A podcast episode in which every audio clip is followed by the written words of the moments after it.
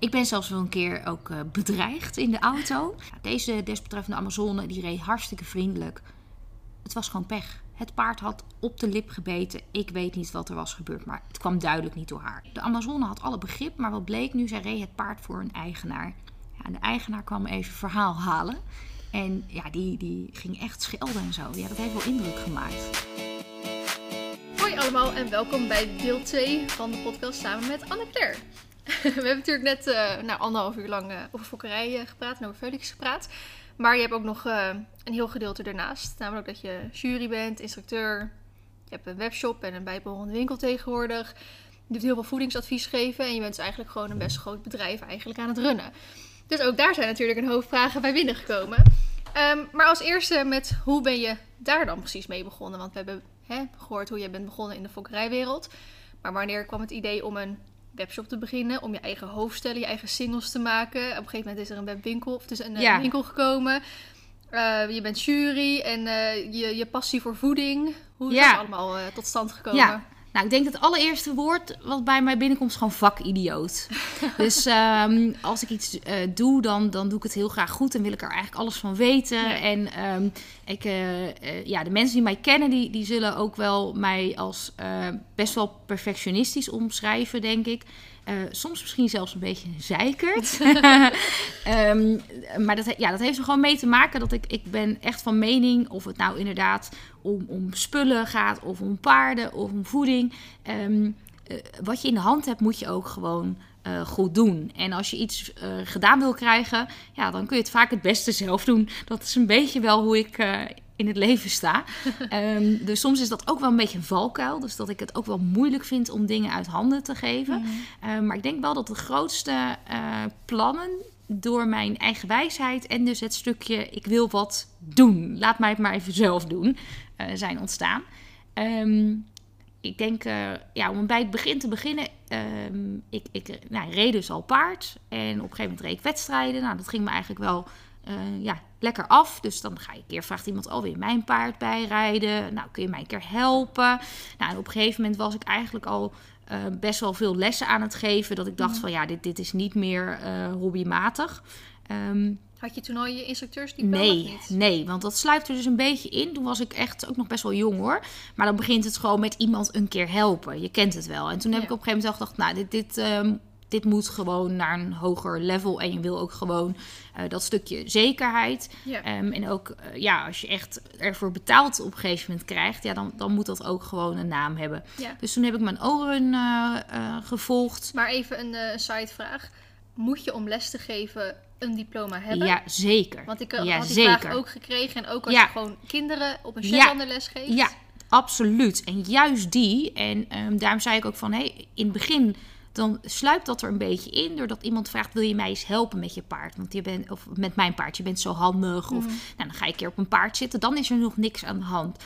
Maar op het moment dat je iemand uh, les geeft, van instructie voorziet, moet je een diploma hebben. Um, het mag ook in opleiding zijn, mits er dan iemand in de buurt is die wel de volledige papieren heeft. Dus dat zien we nog wel eens op maneges gebeuren. Dus dat instructeurs les mogen geven als ze nog bijvoorbeeld met hun opleiding uh, bezig zijn Mhm. uh, aan een paardenhouderij of iets dergelijks, waarbij ze oren, uh, Mhm. een orencursus of de eerste gedeelte eigenlijk van de oren doen. Um, het is heel belangrijk omdat je bent anders ook niet verzekerd. En let wel, Ja. het is ontzettend leuk totdat er natuurlijk wat nu als er een kindje valt en, Ja. en iets breekt. Hè, Eén moet je weten wat je moet doen, maar twee, um, wat nu als iemand schade uh, hè, Ja. oploopt in jouw les. Ja. Hè, dus, um, dus daar was ik me eigenlijk wel heel snel van bewust dat dat, dat, dat niet zonder papiertjes kon. Dus um, toen heb ik mijn oren uh, gevolgd en eigenlijk uh, was ik toen ook echt voornemens om, om alles te volgen. Mhm. Um, maar vlak voor mijn examen overleed mijn uh, paard. Dus dat was best wel een dingetje. Um, toen heb ik mijn oude wedstrijdpony uh, nou ja, in een anderhalve maand weer helemaal uh, up-to-date gekregen. En uh, heb ik daar uh, mijn examen mee mogen doen. Um, toen had ik inmiddels wel weer een nieuw paard. Maar die was dus toen pas drie. Mhm. Dus daar kon ik niet de vervolgopleiding uh, mee doen. Uh, verzekering technisch uh, heeft dat ook geen invloed. Het is meer dat je op een gegeven moment zegt... nou, ik wil hoger opgeleid zijn Mhm. en ik wil meer cursussen doen. Um, toen heb ik aansluitend heb ik eigenlijk mijn juryopleidingen gevolgd. Ehm, en mag jureren tot en met ZZ Licht. Uh, dus nou, dat vond ik zelf een hele mooie toevoeging op het instructeur zijn. Zodat je ook ja, je leerlingen beter kan begeleiden ehm, qua ja, wedstrijdniveau. En dat je ook ja, beter weet van waar wordt nou eigenlijk op gelet als je die proef rijdt. En ik, uh, ja, ik vind zelf die combinatie van, van trainen en ja, beoordelen eigenlijk ja, het mooiste om dat uh, ja, nou, te combineren. Ik heb uh, vroeger, toen ik op de middelbare school zat, moest je van die soort van stageuren doen. Die liep ik op bij uh, de manege, bij Manege Binnenhof, liep ik die. En dan ging ik altijd of ringmeesteren tijdens springwedstrijden of als schrijver dus bij jury, zowel KNS-wedstrijden of als FNRS-proefjes. En ik heb daar zo intens veel van geleerd. Sowieso, ik was toen nog veel jonger, ik was nog helemaal niet bezig met echt... Marley had ik toen nog, ook nog echt gekocht als recreatiepony. Dus het enige wat ik deed was buitenrijden en een beetje hobbelen in de bak daar is ook een beetje mijn, nou, ik zal niet zeggen liefde, want ik heb geen liefde voor wedstrijden, maar wel mijn interesse voor wedstrijdsport uh, begonnen. Omdat ik vanuit het oog van de jury, zeg maar, eigenlijk naar die proefjes ging kijken. En daar leerde ik zo ontzettend veel van. Maar ook als ik zelf uh, bij ons op stal worden de zomerwedstrijden gereden. Dan vraag ik ook altijd, want ze zoeken altijd hè, schrijvers en zo. Ik vraag ook, ik wil schrijven, maar alleen in de categorie waar ik zelf ook in rij. Oh, en als ik dan ook nog een andere categorie moet, vind ik dat helemaal prima. Liefst natuurlijk eentje hoger dan. Want daar leer ik van. Ik leer gewoon van die jury die zegt. Nou, uh, prachtige schouder binnenwaarts, maar dit en dit. En dan denk ik, oké, dus als ik straks mijn schouder binnenwaarts ga rijden, dan moet ik daar ook op letten. Weet je? Ja. Dus daar leer je zoveel van. Ja, klopt. Nee, ik deed dat ontzettend veel ook toen ik uh, jonger was. Heel veel schrijven. En um, uh, eigenlijk um, uh, het jureren ben ik echt gaan doen. Dat is heel grappig. Maar er is echt één specifiek jurylid die daarvoor gezorgd heeft. Um, enerzijds omdat ik dus bij haar heel vaak ging schrijven. dacht ik echt, ja, zo moet het. Mm. Uh, echt wel kritisch, maar super positief altijd. En um, zij doet dat nog steeds met heel veel plezier. Um, Vivian. En ik, ik weet nog heel goed dat zij mijn proef jureerde. En met dus dat jonge paard, die was toen vier en ik reed, nou ja, een, een proefje. En hij... Uh, um, in de galop op de volte deed hij een soort vreugdebokje. En ik moest alleen maar heel hard lachen. En uh, gaf hem een klein klopje en reed weer door. Mm -hmm. En zij vond dat zo goed opgelost.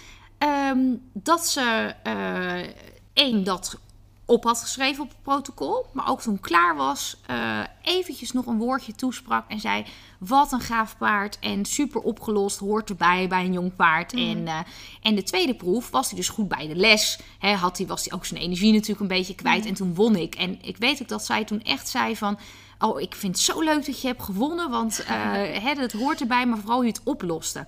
En toen dacht ik, ja, daar zit ook wat in. Hè? Je wil, um, je wil ook zien dat ruiters uh, vriendelijk zijn naar hun paard. Maar je wil ook vooral zien. Het hele perfecte, dat is niet belangrijk. Maar je wil vooral zien hoe los je het op. Het leven is niet perfect en eigenlijk ook bijna geen één proef. Er gebeurt altijd wel iets wat niet helemaal volgens je planning gaat. Mm -hmm. um, maar als jury vind ik dan toch wel belangrijk om te zien hoe gaat zo'n ruiter of Amazone daarmee om. Um, en, en, probeer ik ook vooral dat te benadrukken. En dat komt wel echt door haar, dat ik daar zo naar ben gaan kijken. En ik dacht, nou, dit wil ik ook. Dat vind ik zo tof. Dat je ook gewoon echt iets bijdraagt aan de sport. En dat je vooral ook. Um, ja, ook ik kreeg wel eens een protocol terug waar bijna niks op stond. En toen dacht ik, ja, maar dat ga ik anders doen. Ja. Want als ik nu met dit protocolletje, vroeger had je dan coupons. Nou, daar kon je echt werkelijk helemaal niks op schrijven. Dat waren niet doordrukvelletjes. Mm. Ik weet niet of iemand die luistert die dingen nog herkent. Um, maar dat waren dus hele, daar kon je maar heel sumier wat opschrijven. En als je daarmee dus naar je instructeur moest, dat was super moeilijk. Want daar stond dus serieus alleen maar 1 tot en met uh, 20 uh, nummertjes op. En daar stond dan een cijfertje bij. Maar dan moest je dus je proevenboekje erbij pakken. En om te kijken wat dan onderdeel 4 was. Dus mm -hmm. nou, de protocollen van tegenwoordig, dat is al een stuk makkelijker. Mm -hmm. En dat is ook wel mijn intentie geweest van... Um, uh, wat ik als instructeur dan soms miste. Dat ik dacht van ja, wat moet ik nou mijn leerling helpen als er twee woorden op dat protocol staan. Ja. Maar ze hebben net geen winstpunt. Daar hoort dan toch dat hele bladwoord vol uh, te staan. Ja. Met, met tips en, uh, en hoe het dan komt dat je een vijf hebt. Kijk, die drie, dat weet iedereen wel waarschijnlijk wat er daar mis is ja. gegaan. Hè, maar het zijn juist die vijf, zes, zeven waar je wat bij moet schrijven. En um, ja, daar kwam eigenlijk wel de passie uit. Ik dacht van, nou, dit wil ik eigenlijk doen, want ik denk dat het beter kan. En ik denk dat het, uh, dat het gewoon... Uh, ja, echt iets bijdraagt aan de sport. Ja. Dus, Maar het is wel ehm, mooi dat je eigenlijk met fokken hebben ziet ik wel bijdragen aan Ja. de, de paarden, zeg maar, voor, voor de topsport. En je Ja. wil met jureren juist weer bijdragen, ook weer aan de sport. Ja, eigenlijk wel, ja. En ook gewoon het stukje dat je eh, ja, dingen die je zelf misschien in het verleden dacht van nou, ja, dat vind ik jammer of dat, dat vond ik stom. eh, of dan dacht ik nou, waarom staat het er nou niet zo op? Of waarom krijg ik nou maar die zes? En ik merk juist dat je juist bij die zes moet je wat bijschrijven. Ja. En dat, dat, dat daar juist de toegevoegde waarde in, eh, in ligt. En, ehm, en ik heb mezelf altijd voorgenomen, ehm, zorg dat je niet zuur wordt met jureren. Ehm, het viel mij op toen ik gewoon nog wedstrijden reed, dat er ook best wel veel eh, ja, hele oude juryleden zaten. eh, die, nou ja, echt heel lang niet meer op een paard hadden gezeten of, of nog actief waren, überhaupt in de paarden. Die dan bepaalde dingen belangrijker vonden, waarvan ik dacht, ja, maar op lange termijn is dat helemaal geen toegevoegde waarde. Hè? Dus eh, het Kan je een perfect voorbeeld noemen? nou, ehm, een paard wat, wat heerlijk in de aanleuning loopt en, en super door het lijf. Een Amazone die er recht op zit en die dan een overgang net iets te vroeg of net iets te laat, net niet precies op de letter maakt. Ja, ik heb liever dat die net niet op de letter is en dat het, het gereden zijn Mhm. is voor mij doorslaggevend. Nou, gelukkig is eh, dat in de loop der jaren ook zo veranderd. Hè? Dus het gereden zijn is ook belangrijker. De harmonie wordt steeds belangrijker. Tuurlijk, als je dan ook nog op de letter, ja, dan kun je naar die 9, misschien zelfs wel die 10. En eh, dat was ook echt iets dat ik dacht van. Ehm, naar mijn idee werden er soms te weinig negens en zo gegeven. En dat was ook echt iets wat ik van dat, van dat betreffend jurylid meekreeg. Ja, die deed dat. Die gaf gewoon een 3 en dan hop, een 9 erachteraan. Ja, hoezo kan het niet? En toen dacht ik, ja, maar zo is het ook. Want Ja. je moet als ruiter, als je naar huis gaat, denken... ja, die volte was top. Maar ja, die hoek heb ik niet mooi afgerond. En als er dan maar één puntje verschil in zit, ja, dat, dat kan eigenlijk niet. Ehm, dus ik, ja, dat probeer ik wel echt te doen met jureren. Dat je eh, en het goed van commentaar voorziet. Dus dat de ruiter weet waarom eh, een, een cijfer tot stand is gekomen. Maar ook eh, bijvoorbeeld als iemand een 7 krijgt. Heel veel van mijn collega's zullen daar niet wat bij schrijven. Gelukkig zijn er steeds meer die dat wel doen. Terwijl ik dan denk, ja, maar waarom heb ik die 8 niet gegeven? Dat schrijf ik op. Want dan kan diegene de keer daarna wel een 8 halen. Ja. Hè, dus in de grote lijnen was het dus echt voor elkaar. Maar juist dat laatste puntje. Dus ehm, ja, dat vind ik leuk met jureren. En eigenlijk door het jureren en het lesgeven... zijn uiteindelijk de proefgerichte clinics tot stand gekomen. Ehm, ik was denk ik een van de eerste die dat voor de basissport deed. Eh, voor de subtop hadden we dat namelijk al. En toen dacht ik van ja, dit is toch best raar. Een, een, een lichte toerruiter kan wel zijn proef oefenen... Mhm. En daarna commentaar krijgen, maar een B-ruiter niet. Toen dacht ik, ja, maar dit is, dit is best gek. Dus toen ehm, heb ik, eh, ja, was ik op het idee gekomen om dan, nou, dat, de- eigenlijk hoe ze nu nog steeds zijn, de proefgerichte clinics te doen. Ehm, en dat, ja, dat is dus echt al, eh, ja, 12 jaar geleden of zo, 14 jaar geleden, dat ik dat voor het eerst, ja, ik denk 14 jaar geleden, Ja. dat ik dat voor het eerst deed. Ehm, en daar haal ik dan ook echt mijn, mijn energie eh, eh, uit. Ik vind dat ontzettend leuk. Want dat is soms wel frustrerend met jureren. Het kost heel veel tijd. Mhm. En het levert heel weinig op. ehm, hè, qua financiën. Dus je moet het echt doen omdat Ja. je wat bij wilt dragen aan de, aan Ja. de sport. Ehm, en dan is het soms ook... Soms is het niet zo leuk. Dus als je te veel ruiters ziet die grof zijn tegen hun paard... of het niveau is heel teleurstellend...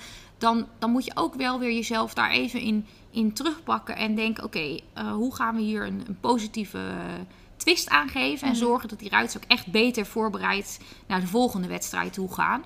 Ehm, omdat iedereen rijdt voor zijn plezier. En ik zit daar ook voor mijn plezier. Dus ehm, naar mijn idee kan het, ja, is het ook echt niet zo. Al, al denken sommige ruiters dat wel. Dat de jury daar zit om je te pesten of zo. ja, weet je. ehm, eh, wij zitten daar echt voor een habbekrat. Dus ja. Je hoeft geen jurylid te worden omdat je nee, er dat, dat doe je. worden. Geloof me. eh, ik, ik, ik, ik mag hopen dat 98% van de juryleden het echt doet. Omdat ze gewoon het echt heel leuk vinden. Ja. Ehm, ja, dus, dus dat. Dus daar ben ik eigenlijk een beetje ingegroeid. Dus ging je steeds Mhm. weer een, een cursus hogerop volgen. Ja. Is het nou eh, eigenlijk zo als je bijvoorbeeld eh, jurylid bent van Z of ZZ Licht of op een gegeven moment een Grand Prix, dat je ook meer verdient eigenlijk als jurylid? ehm, nou, je krijgt wel... nog Ja, je- steeds voor het plezier eigenlijk dan? eh, nee, nog steeds. Eh, het is, hou je vast, 5 euro per uur. 5 euro per uur. Dat is echt... ja, is nog hè? eens, ver onder het minimum. Dat bedoel ik.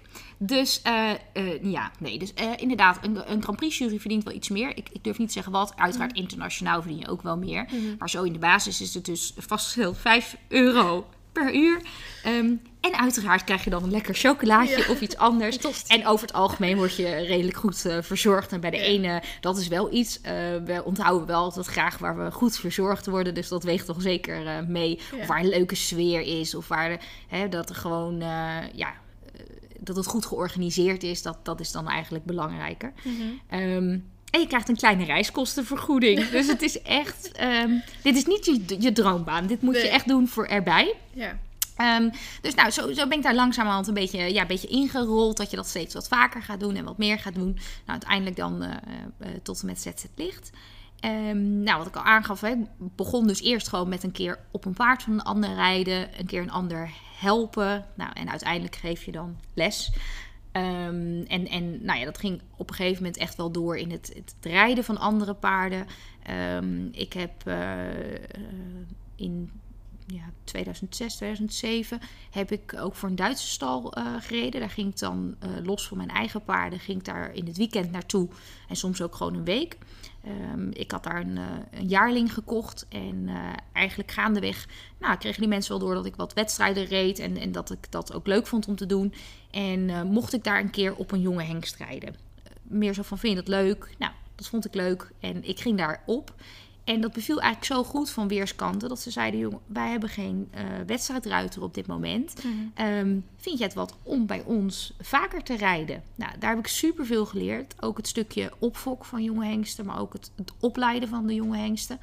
Ehm, en ik heb daar ontzettend veel kansen gehad. Het was echt heel erg leuk. Ik ben er echt opgenomen in die familie. Ehm, en ik heb daar dus heel veel ervaring op gedaan. En mocht daar echt op goed gebeurde dekhengsten rijden.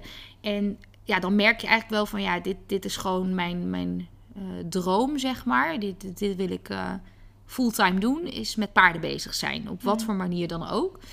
En ehm, doordat, eh, wat ik al eerder aangaf, was dat mijn paard was overleden. ehm, ja, vlak voor mijn ORUN-examen. Maar wat nog veel belangrijker was, hij is vlak voor mijn jongrijdersdebuut doodgegaan. Ehm, ik had dat paard zelf opgeleid van de B tot dat niveau. Ehm, en dan kom je wel op zo'n punt van, ja, zo'n paard is, is redelijk onbetaalbaar. Om op dat niveau weer een, een echte goede terug te kopen is, was voor ons toen niet haalbaar. En toen kwam dus dat hele jonge paard. Maar dat hield ook in dat ik weer opnieuw moest beginnen. Ja. En dat ik dus ook niet gelijk op niveau meer eh, mee kon.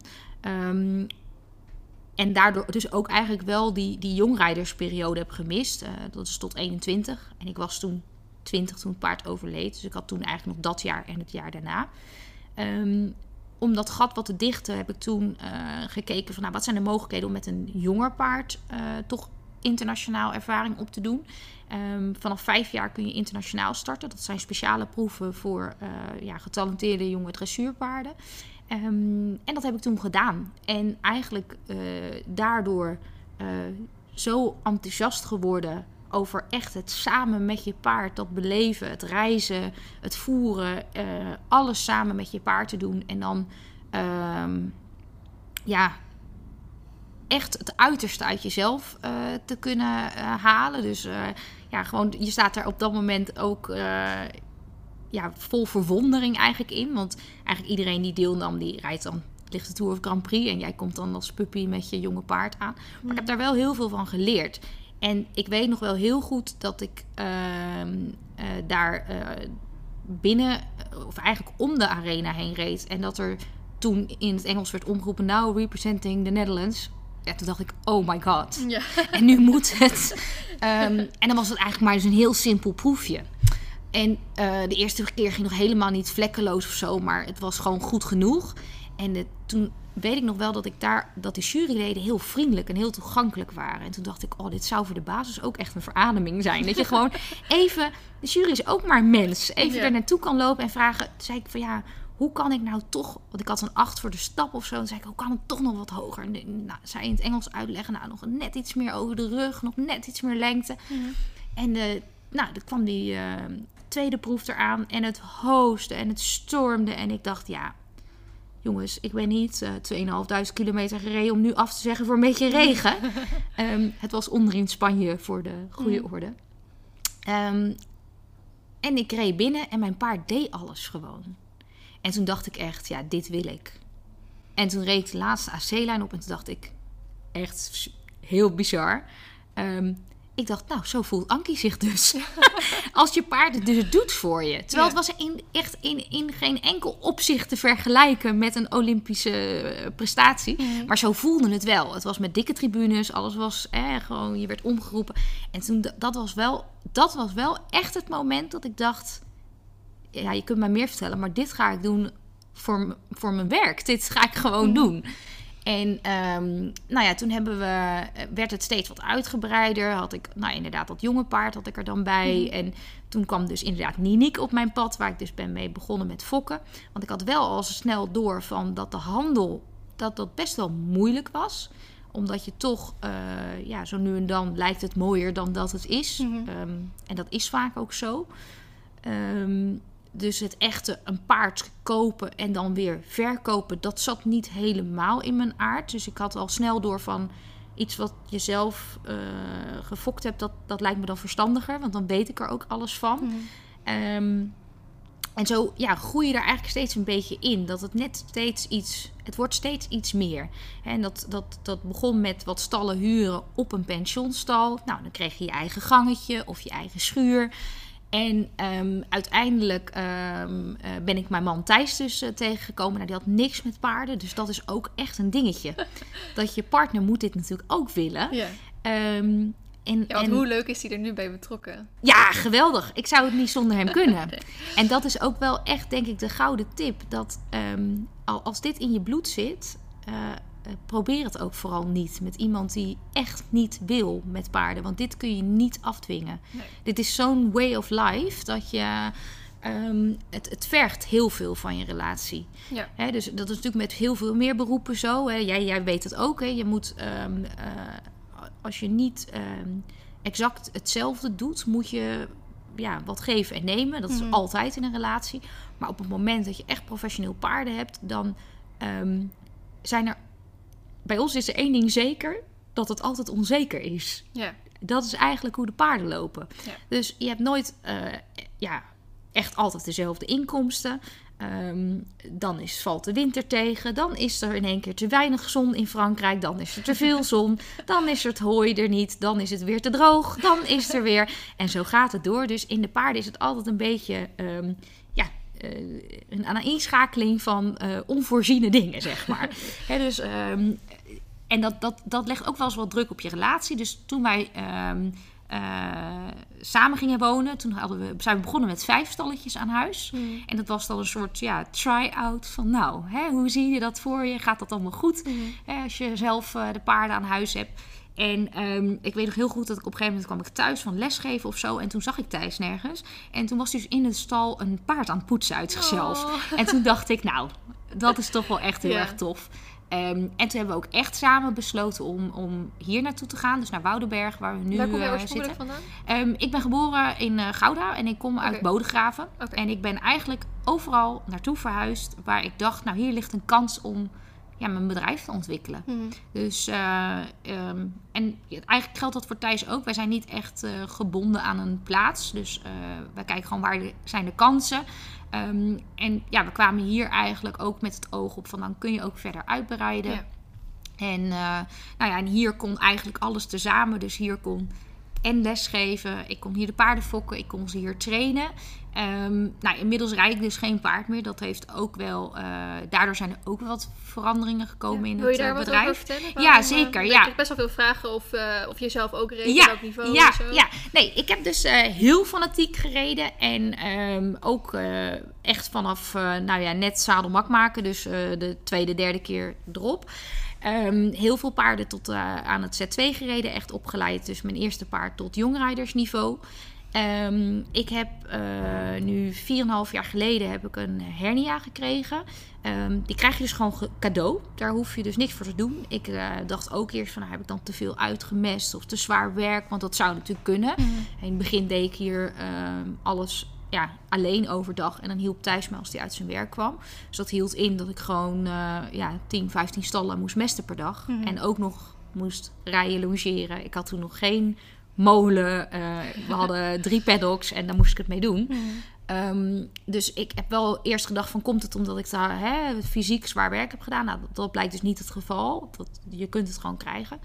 Ehm, en op het moment dat het gebeurde was eigenlijk gelijk... eh, ik had hele heftige eh, pijn. En het was alsof mijn beenspier eh, en bil aan de achterkant eruit getrokken werd. Ehm, en mijn been was eigenlijk gelijk verdoofd. Dus ik wist wel gelijk... eh, dat, is, dat is een heel raar gevoel, maar ik wist gelijk dat het echt niet oké was. Ehm, nou, uiteindelijk eh, ga je natuurlijk wat eh, ja, de medische sleur in en Mhm. kom je uiteindelijk in een MRI en dan kunnen ze natuurlijk zien dat dat aan de orde is. Ehm, nou, mijn hernia was dusdanig groot dat er een, een zenuw afgekneld werd, maar zo erg dat ik ook geen volledige controle meer over mijn blaas had. Ehm, en het was dus daardoor ook geen discussie of ik wel of niet geopereerd moest worden. Ik moest gewoon geopereerd worden. Mhm. Dus, eh, want die vraag krijg ik best vaak van, zou je dan nog een keer die operatie doen? Eh, ja, als de arts zegt dat dat moet. Het is wel zo als je eh, een hernia hebt, wat best veel voorkomt, ehm, dat maar één op de drie eigenlijk geopereerd hoeft te worden. Dus meestal is het ook niet nodig. Mhm. Ehm, nou, ik ben toen geopereerd en eigenlijk direct toen ik wakker werd, eh, had ik nog steeds evenveel pijn. En zou je zeggen, ja, maar het gaat ook niet zo snel over. Het schijnt toch dat de meeste eh, patiënten eigenlijk direct verlichting voelen. Omdat zenuwpijn is, is, eh, is ontzettend heftig. Dat, dat kun je ook niet goed onderdrukken. Mhm. Ehm, en ik bleek toen ik wilde gaan staan, want op een gegeven moment, ja, er komt een moment dat je uit bed moet, ehm, dat mijn voet eigenlijk bleef hangen. Dus ik had een klapvoet, maar die had ik niet voor de operatie. Nou, en dan, dan kom je in een eh, medisch traject, want de pijn bleef maar aanhouden. Plus mijn been was nog steeds verdoofd, maar ze hadden van tevoren al gezegd dat het zou kunnen dat, je, dat de pijn wel weggaat, maar dat je wel altijd dat dove gevoel eh, blijft houden. Dus je moet dat voorstellen alsof je eh, een slaapvoet hebt. Mhm. Maar dan is dat bij mij bij mijn bil en de binnenzijde tot aan mijn knie en dan de achterkant. Ehm, maar het was erger. En gaandeweg, nou, de pijn was zo ondraaglijk dat ik eigenlijk... Ik kon nog geen vijf minuten op een stoel zitten. Ehm, eh, ja, mijn been was echt moeilijk. Ik had ook echt moeite met mijn balans. Ik kon er niet goed op, op lopen. Ehm, nou, toen is uiteindelijk, eh, ja, ga je allerlei trajecten in. En eh, revalidatie en inspuitingen. Nou, ik, heb, ik weet niet eens meer welke volgorde alles is geweest.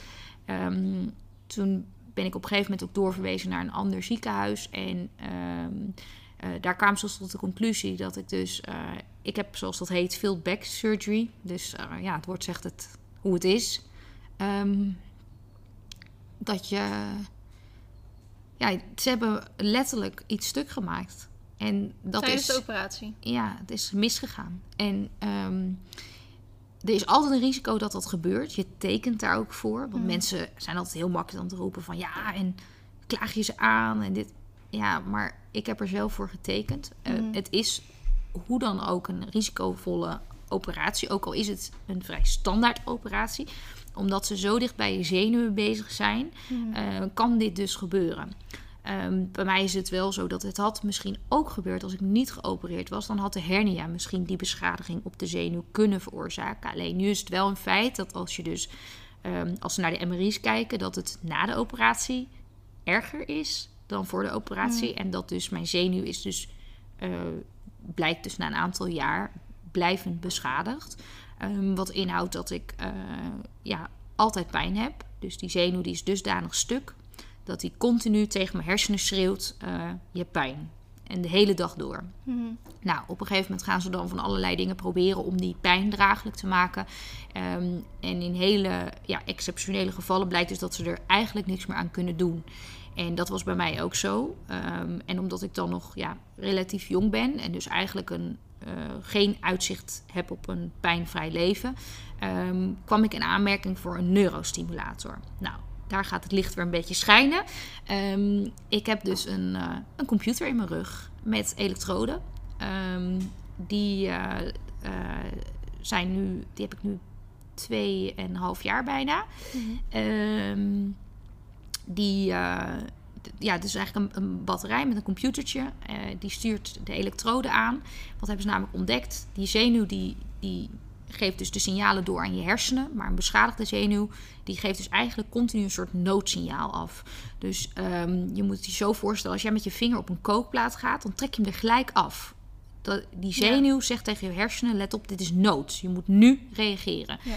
Um, omdat mijn zenuw dus stuk is, zegt hij dus continu nood, nood, nood, pijn, pijn, pijn tegen mijn hersenen. Dus buiten het feit dat ik heel veel pijn had, werd ik er ook heel erg moe van. Omdat letterlijk mijn hersenen dus overbelast raakten hiervan.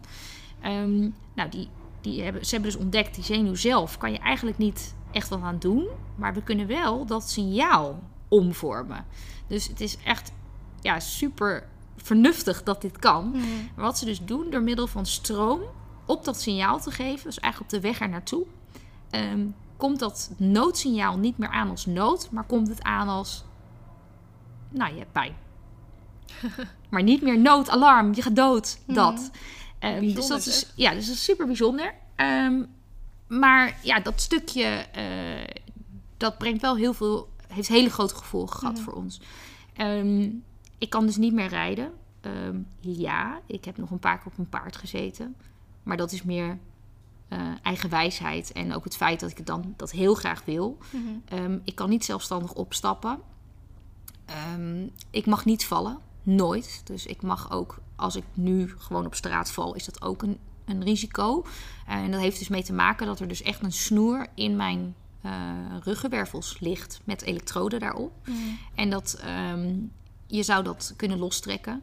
Um, het is de meest pijnlijke operatie die ik ooit gehad heb van dat uh, kastje zetten. Uh, dus dat, dat, ja, je wil ook niet dat je dat zelf uh, nog een keer, moet, nog doen, een keer moet doen omdat je iets onnozels hebt gedaan. Mm -hmm. um, daarbij is het ook best wel risicovol en het is heel kostbaar. Dus um, bepaalde sporten kan je gewoon niet meer doen. Dus golfen, tennis, eigenlijk alles waarbij je moet roteren met je bovenlichaam oh, kan sowieso niet. Mm -hmm. Omdat er dan te veel tractie op dat snoer eigenlijk komt.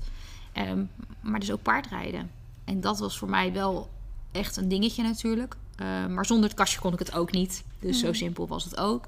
Um, en het heeft er wel voor gezorgd dat ik uh, toch weer dingen kan doen die ik graag wil doen. En het heeft ook voor gezorgd dat je toch weer inventief bent in wat kun je wel. En um, onder andere daardoor ben ik meer de focus op fokkerij gaan leggen. Um, de winkel was al begonnen voordat ik mijn hernia kreeg ook dat kwam eigenlijk gewoon weer door dat stukje uh, ja, vakidioot. Ik vind dan heel veel dingen leuk en dat vind ik nog steeds. Uh, waardoor je steeds kijkt van, oh, dit wil ik ook graag doen of dat wil ik ook graag doen. En het komt vaak uit een stukje voort dat je denkt, oh, ik zie hier nog kansen of ik zie gemiste kansen vooral. Dat ik, mm. en zo is eigenlijk ook een beetje um, de winkel ontstaan. En je ziet eigenlijk vanaf ja, de, de hernia uh, slash uh, neurostimulator, die periode. Um, omdat je niet kan rijden, uh, in het begin hou je daar heel erg aan vast. En ben, was ik daar heel boos en verdrietig van. En soms nog steeds, of soms nog steeds altijd. Hè, laat ik dat vooropstellen. Mm -hmm. um, maar ga je wel meer focussen op de winkel. En ik denk wel dat het daardoor um, ook de stappen heeft kunnen maken die het gemaakt heeft. Omdat we... Omdat ik misschien noodgedwongen bepaalde dingen niet meer kon. Ja. Anders uh, ben ik toch wel iemand die het heel moeilijk vindt om dingen los te laten.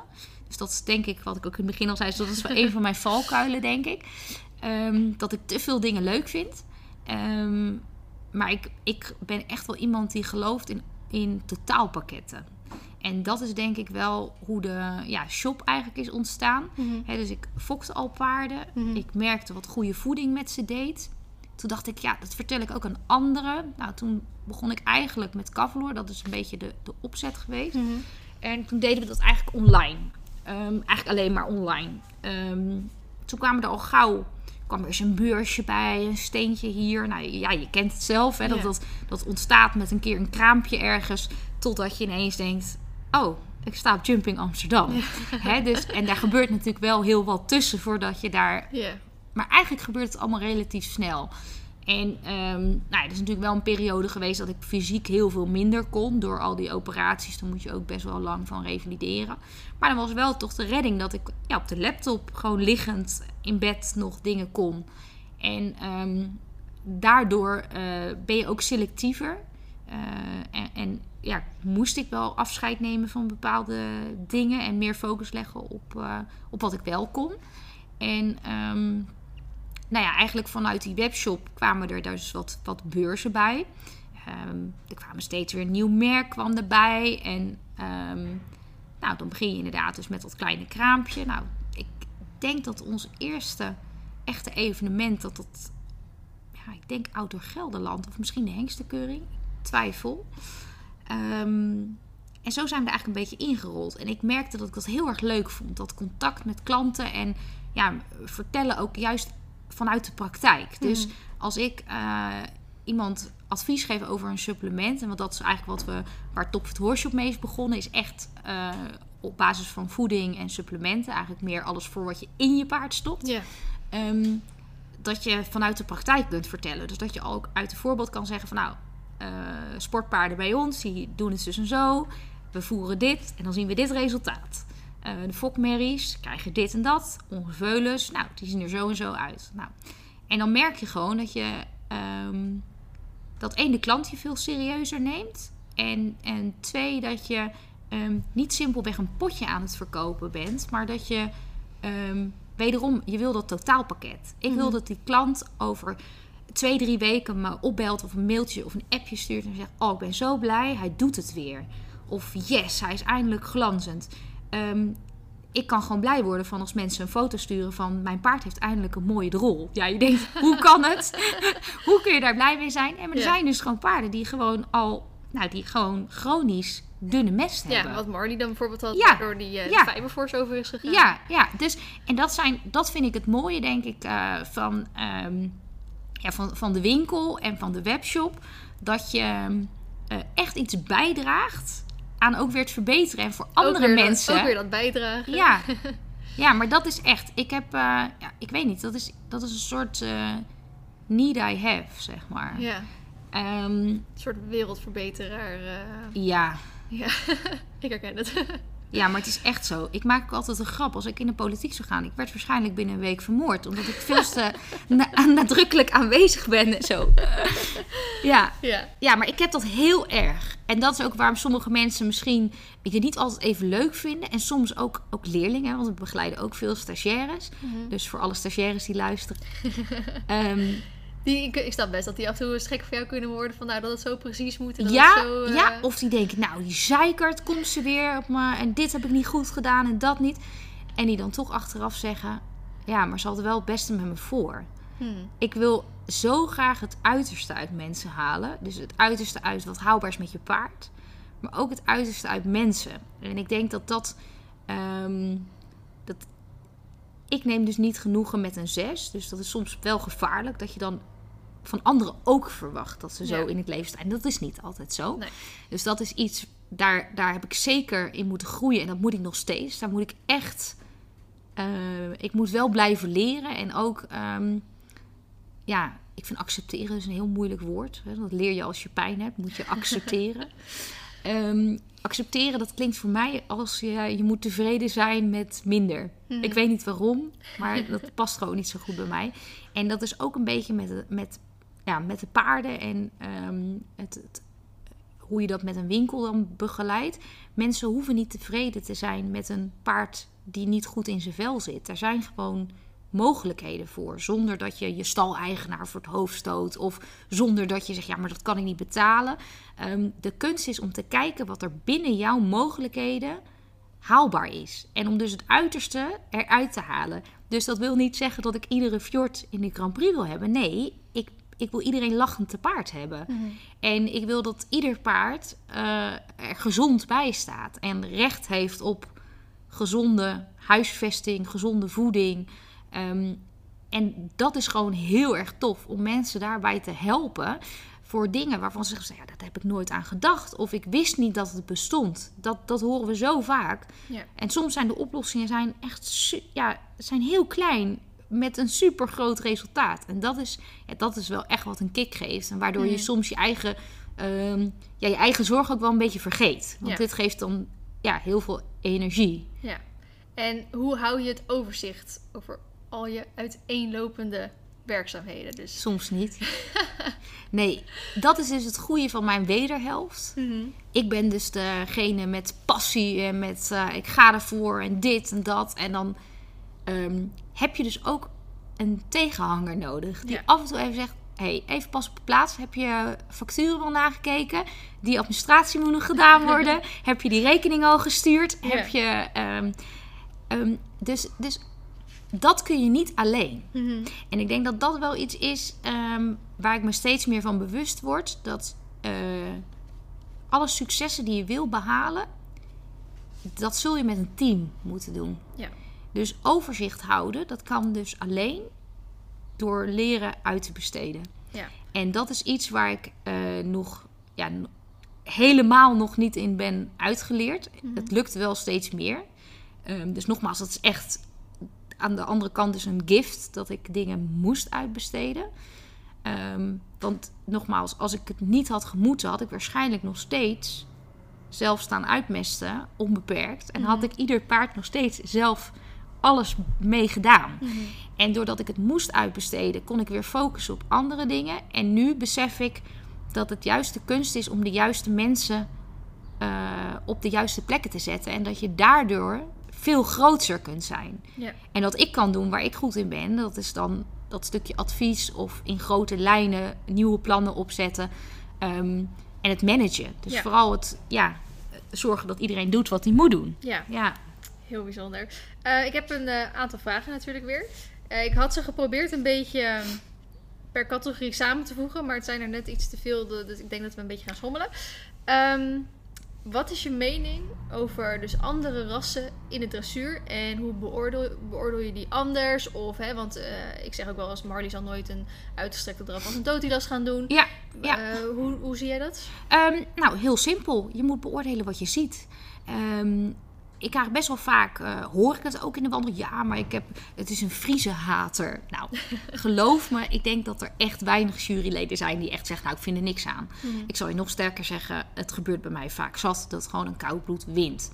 Ehm, maar beoordeel ik ze anders? Nee. Want op het moment dat je aan een reguliere wedstrijd meedoet, beoordeel ik wat ik zie. Dus als je op dat moment L rijdt en een ander paard kan wel heel goed uitstrekken, ja, kan ik niet zeggen, ja, maar jouw paard kan niet meer. Dus dan krijg jij ook een 7. Ja, zo werkt het niet. Ehm, dus je krijgt wat je toekomt. Maar ik ben wel van mening dat op het moment dat je eh, meedoet aan wedstrijden, dan doe je dat om te verbeteren. En dat is ook een stukje wat we met die proefgerichte clinics proberen op te pakken. Focus niet op wat je niet kunt, maar focus op wat je wel kunt. Dus uitstrekken ga ik je ook niet kunnen bijbrengen voor een 9, maar kan wel zorgen dat je voor een 9 binnenkomt. Ja. En let op, dat onderdeel levert je net zoveel op. Dus Ja. ik zeg, focus op wat je goed kunt en zorg dat je daar je punten mee haalt. Ja.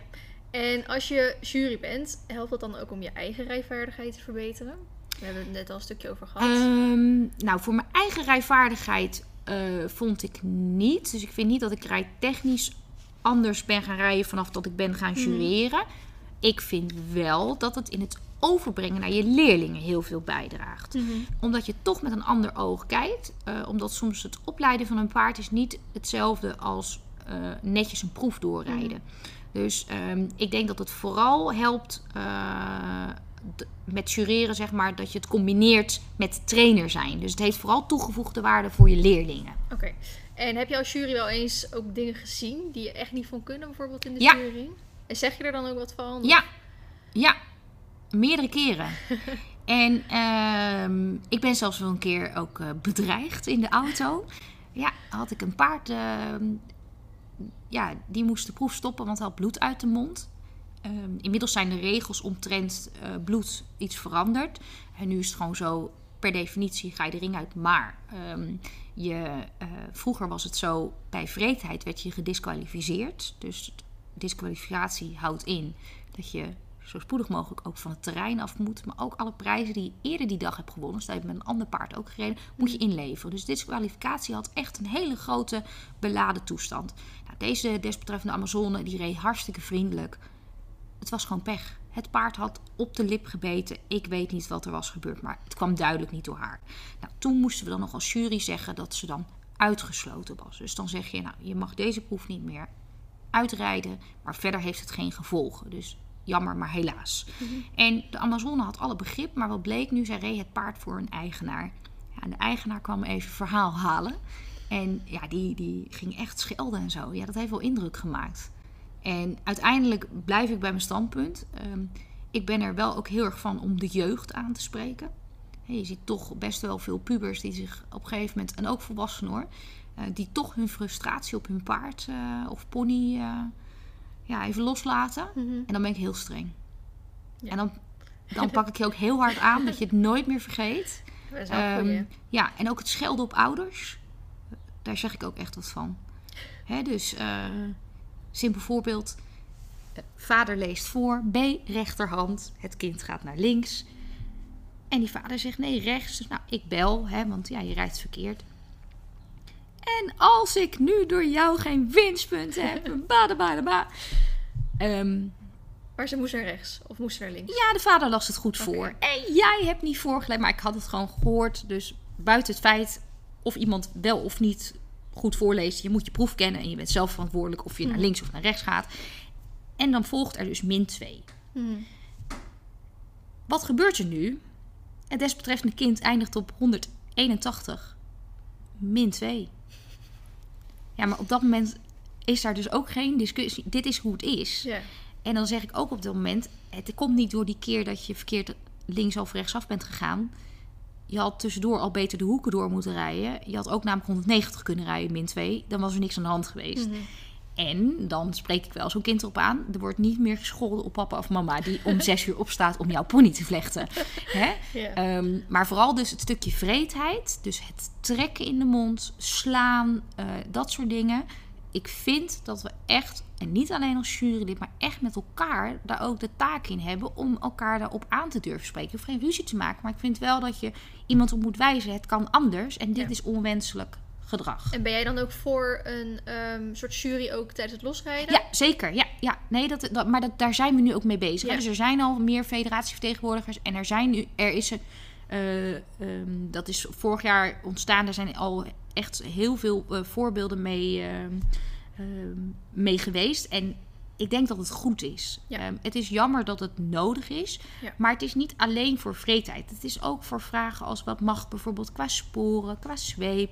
Um, welke kappen mogen om, ik noem Ja. maar wat. Mhm. Ehm, dus ik denk dat het ontzettend goed is. Ja. ja. Ja, oké. En heb je ook tips voor als je bijvoorbeeld veel stress ervaart op een wedstrijd? Ja. weet jij daar last van hebt gehad? Ehm, nou, ik had zelf nooit last met, eh, met, met rijden per se. Mhm. Ehm, ik was vooral zenuwachtig bij de prijsuitreiking. Ja, ik weet niet wat dat is. Ja. En eh, wel voor kampioenschappen. Dan had ik wel altijd een beetje zenuwen in, de, Mhm. in mijn lijf. Maar als ik eenmaal bezig was, eigenlijk niet meer. En dan was ik ook, eh, denk ik, te gefocust met rijden om, eh, om zenuwachtig te zijn. Mhm. Ehm, maar ik denk wat vooral belangrijk is, is dat je heel goed voorbereid op wedstrijd gaat. Ja. Dus eh, een van de tips die ik ook altijd aan mijn leerlingen geef, eh, maak een checklistje die je kunt afstrepen. Want dan heb je in ieder geval geen stress dat je je dekje of je toestanden vergeten bent. En Mhm. eh geloof het of niet, ik ben ongeveer alles wel een keer vergeten toen ik jong was. Eh, zoals gezegd, mijn ouders die komen niet uit de paarden, dus ik moest dat toch wel zelf doen. Mhm. Maar mijn vader was echt mijn grote steun en toeverlaat. Die ging altijd mee. Maar het waren geen paardenmensen. Dus het was niet dat zij dan... Op een gegeven moment, mijn vader vroeg natuurlijk wel... heb je dit, heb je dat? Mhm. Ehm, maar ik ben zelfs een keer mijn wedstrijdjasje vergeten. En toen was er dus ook eh, ja, iemand... en die had dan in de vrachtwagen nog een extra jasje... wat dan Oh ja. te groot. die mocht ik dan aan. Nou, en dat vergeet je natuurlijk nooit meer. Nee, ik ben een keer mijn single vergeten. Ja, mijn ik ook. Vergeten. Ja. ja. Ja. Ik heb zelfs een keer op een stal gestaan, dus niet mijzelf overkomen. En op een pensioenstal. En er stond een paard mooi in de, in de knotten op de wasplaats. Maar ik zag diegene al nergens. En eh, op een gegeven moment eh, komt iemand dus diegene onderweg tegen. Is een paard vergeten. En die had dus niet het paard meegenomen. En die stond daar dus keurig te wachten. Oh. Dus het kan nog erger. Maar inderdaad, ik heb al zweep moeten eh, lenen, sporen. eh, de teugels die een keer niet aan het hoofdstel zaten. Omdat je de dag daarvoor gelongeerd had. Of zo. Nou, je kunt het zo gek niet bedenken. Maar goed, dus mijn tip om zenuwen tegen te gaan. Zorg dat je goed voorbereid bent. Dus Ja. ken je proef. Ja. Zorg dat je hem geoefend hebt. En zorg dus dat je een checklistje hebt en maak een planning van tevoren. Dus dat je zegt, zo laat moet ik starten, dan moet ik zo laat hier van het erf afrijden. En zorg dat je speling hebt. Dus als er inderdaad een, je moet omrijden of je kunt het adres niet direct vinden, dat je even wat tijd over hebt. Dus de Ja. planning is essentieel om je, ja, om je zenuwen wat te kunnen bedwingen. En vooral goed oefenen. Ehm, en als je er echt heel veel last van hebt, zulke clinics rijden, dus een proefgerichte clinic, waarbij je dus weet van nou, hè, de, het mag misgaan, Ja. er hangt niks van af. Eh, maar ook eh, mental coaches, hè, die, die gewoon met je ook te raden gaan van waarom ben je nu eigenlijk zenuwachtig? Is het een stukje prestatie? Ja. Of ben je bijvoorbeeld bang om te vallen? Of is er iets gebeurd waardoor je...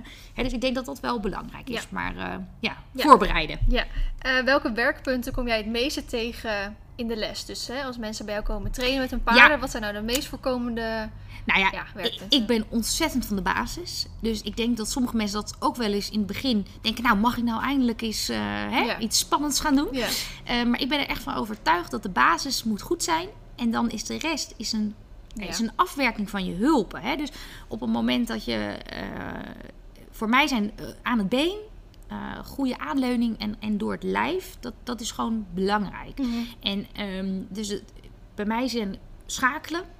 Eh, ik gebruik heel veel voltes en slangenvoltes. Ik vind het belangrijk dat die paarden los zijn. En bij mij zit toch echt wel één rode draad in. Die paarden moeten altijd kunnen halstrekken. Ik vind het heel belangrijk dat ze over de rug zijn. Ehm, en vooral dus aan het been.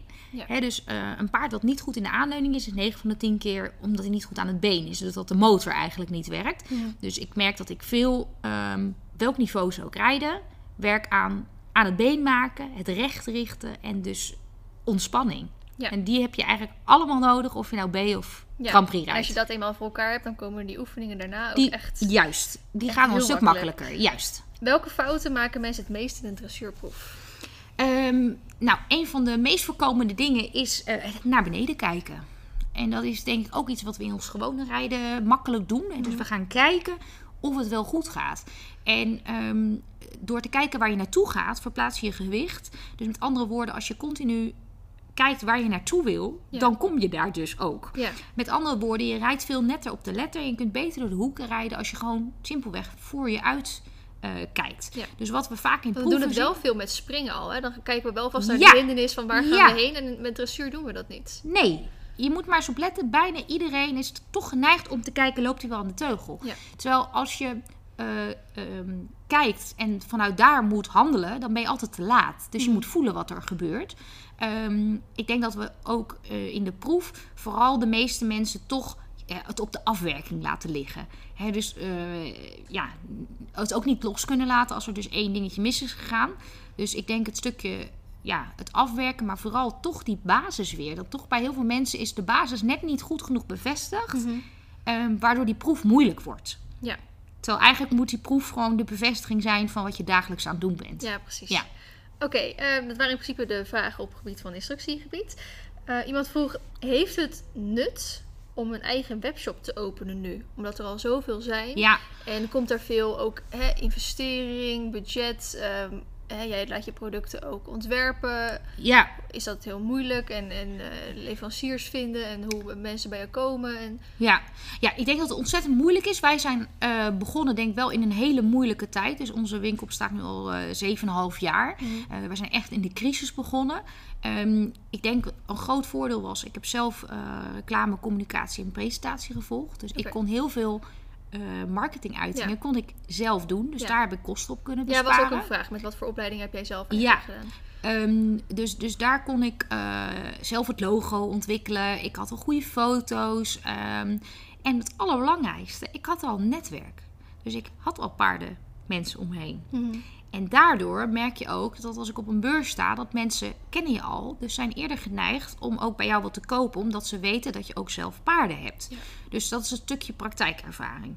Ehm, nu op dit moment zijn er natuurlijk heel veel webshops. Ja. Dus ik denk dat als je zelf een webshop wil beginnen, ehm, dat je voor jezelf heel goed moet bepalen wat wil ik bereiken, wat is mijn doel en wat is mijn missie. Want op het moment dat je eh, nu lukraak wat begint, dan denk ik dat je echt eh, verdrinkt in het aantal online Ja. eh, webshops die Ja, er en hoe ga je zijn. daar tegen opboksen tegen die grote Hoe ga je daar tegen opboksen? Dus ehm, eh, ik heb daarin ook in ieder geval voor mij uh, bepaald. Ik wil niet de, de, grootste zijn, maar ik wil wel uiteindelijk degene zijn die de, beste service verleent en waar mhm. mensen met een vertrouwd gevoel kopen.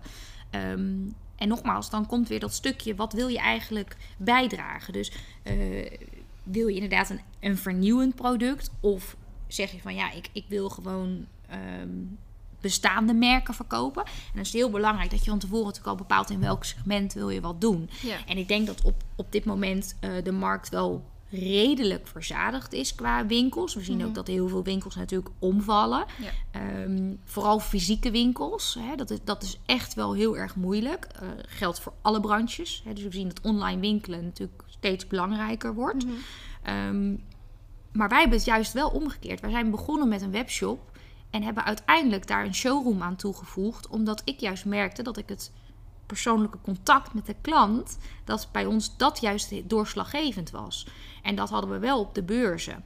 Dus ik denk dat dat heel belangrijk is. Dat je ook voor jezelf moet kijken: heeft mijn product persoonlijk contact nodig? Of is het iets wat ik juist online prima kan verkopen? Mhm. En ook kijken hoeveel aanbieders zijn daar dan al in? En ben ik wel vernieuwend? Of of misschien hoef je wel niet vernieuwend te zijn. Misschien is het gewoon een product waar heel veel vraag naar is. Mhm. dus ik denk dat het heel belangrijk is dat je van tevoren wel echt een goed plan maakt. En dat je ook kijkt, ja, welke uh, financiën heb ik daarvoor nodig? Dus hier hebben we gezien van, nou, we zijn klein begonnen en het is steeds een beetje meer geworden.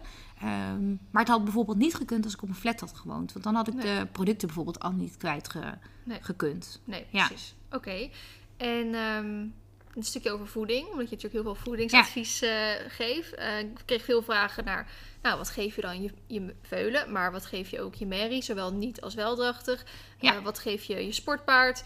wat geef je juist je paard van 30, hè, die ja. pensioen is, maar ja, ook wel weer iets nodig heeft natuurlijk. Ja, nou, um, het allerbelangrijkste is, we hebben ik zelf behandel ieder paard als individu. Mhm. En ik denk dat dat heel goed is voor, voor paardeneigenaren om te doen. Om echt je paard als een paard te zien. En niet te zeggen, mijn vriendin voert dit, dus dat zal wel goed zijn. Mhm. Ehm, wat we doen is, we kijken naar de behoeftes van het paard. Uh, de hoeveelheid werk die hij krijgt. En we kijken daarnaast naar leeftijd en bijvoorbeeld conditie. Dus een drachtig paard bij mij uh, krijgt andere voeding dan het sportpaard.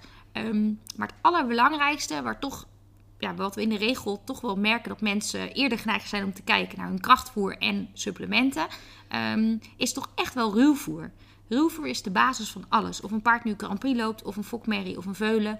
Um, een paard heeft goed ruwvoer nodig. Ja. Um, dus dat is eigenlijk voor ons altijd stap 1, uh, eh, ruwvoer.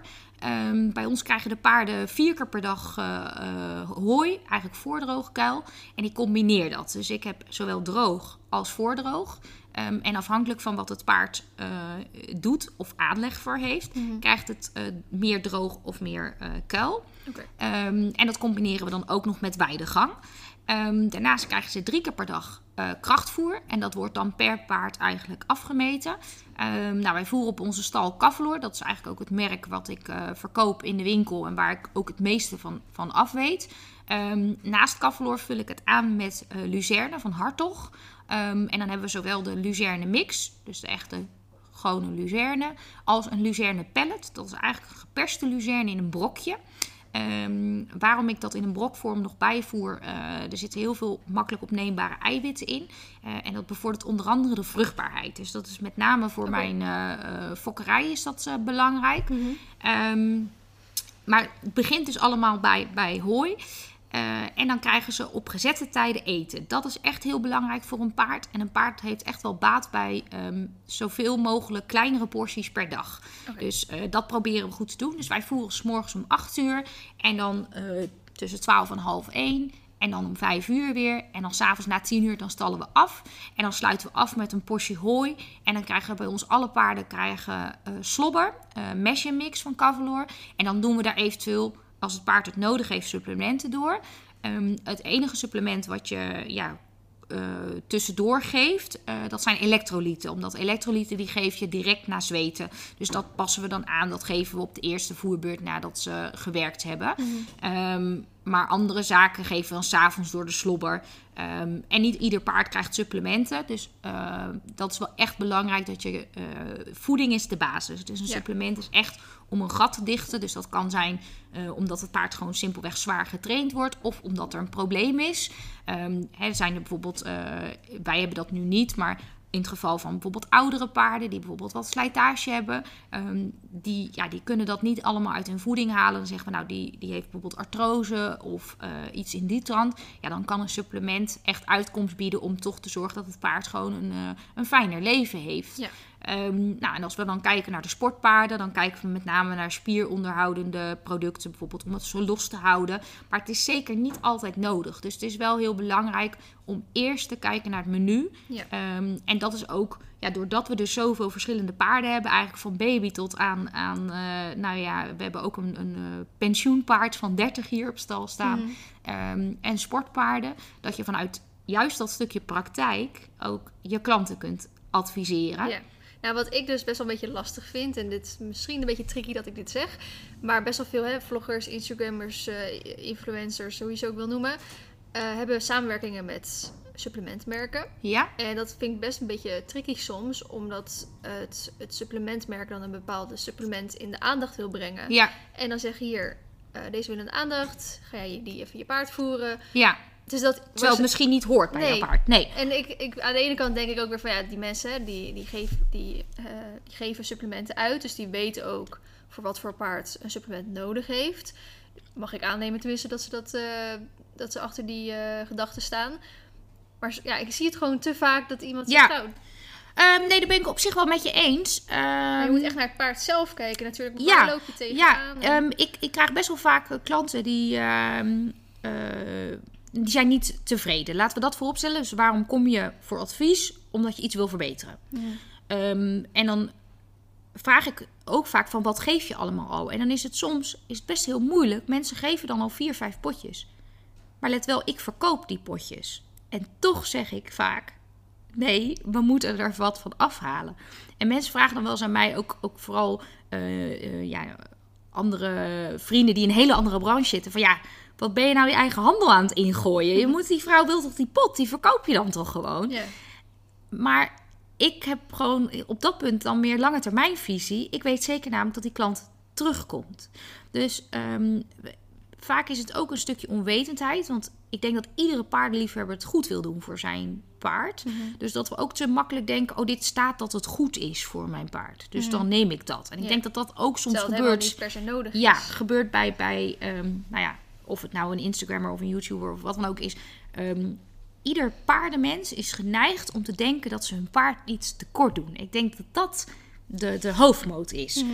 Dus um, wat ik dan probeer te doen is in kaart te brengen van wat, wat krijgt hij, wat verwacht je van hem en waar zijn de eventuele um, gaten die we moeten dichten. En vaak kom je dan tot de conclusie dat je beter kunt gaan voor een product wat echt bij je paard past, zowel qua krachtvoer als eventueel een supplement. Um, dat je daar dus meer aan hebt dan allemaal dure potten die net niet doen wat jij Ja. wil. En, en vaak is het, nogmaals, het is helemaal geen um, uh, onwil, maar het is onwetendheid. En Ja. dat is ook gelijk onze missie, is kennis verdelen, Ja. kennis brengen. Ja.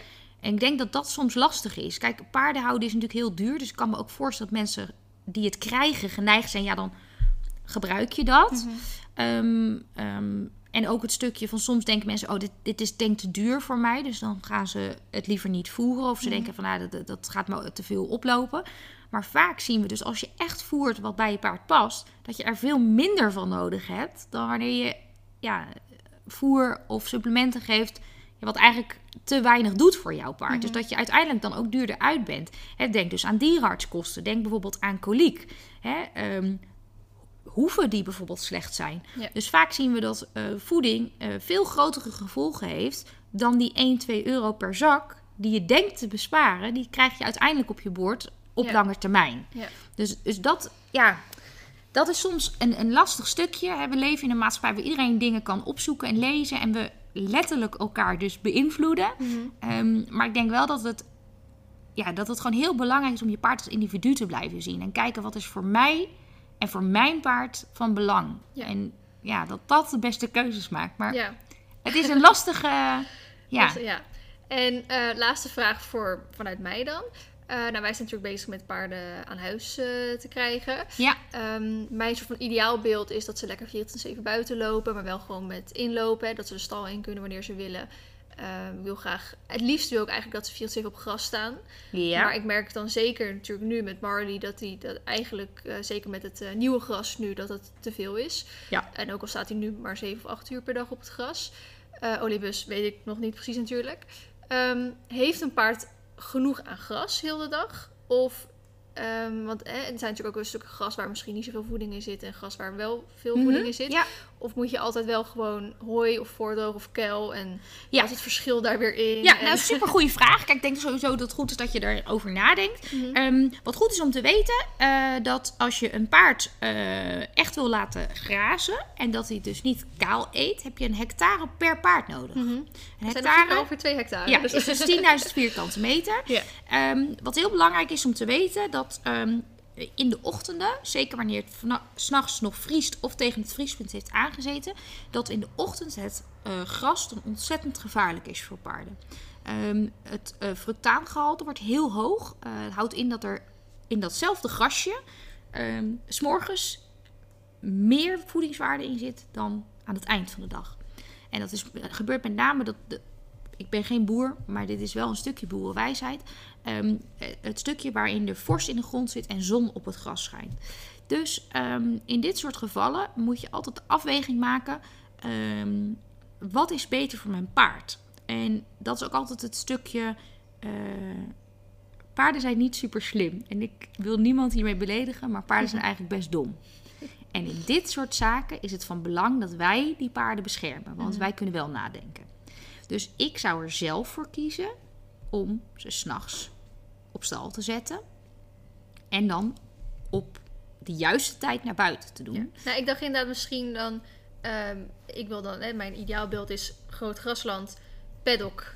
En dan Ja. met inloopstal, zeg maar. Ja. Dat ik dacht, nou, dan hou, hou ik ze of s'nachts binnen of eh Ja. s'nachts op, het- op het gras. Ik weet niet of dat dan weer uitmaakt. En dat je, dus, dat je ze dan 's ochtends op die paddock houdt staan. Ja, nou kijk, er zijn een aantal dingen. De praktijk moet het ook altijd uitwijzen. Mhm. Want dat is ook zo. Niet ieder paard vindt het even leuk om buiten te staan. Dus Mhm. eh, de- ik heb bijvoorbeeld paarden die gewoon na een aantal uur echt bij het hek gaan staan. Van ja, ik ben er nu klaar mee. Ik wil eigenlijk wel naar binnen. Mhm. Dus daar moet je naar kijken. Ehm, het is ook belangrijk. Wij kijken hier bijvoorbeeld. Wij hebben dazen. eh, straks in de zomermaanden. Ehm is voor geen één paard leuk om dan buiten te staan. Ook al doe je ze vliegendekens op. Dus wat wij dan doen is ze 's morgens bijvoorbeeld eerder naar buiten. En ze dan smiddags binnenhalen en juist s'avonds weer naar buiten. Ehm, dus ik denk dat je daar een goede mix in moet vinden. Ik denk onbeperkt op het gras dat dat voor Marley heel moeilijk is, omdat het gauw eh, te veel wordt.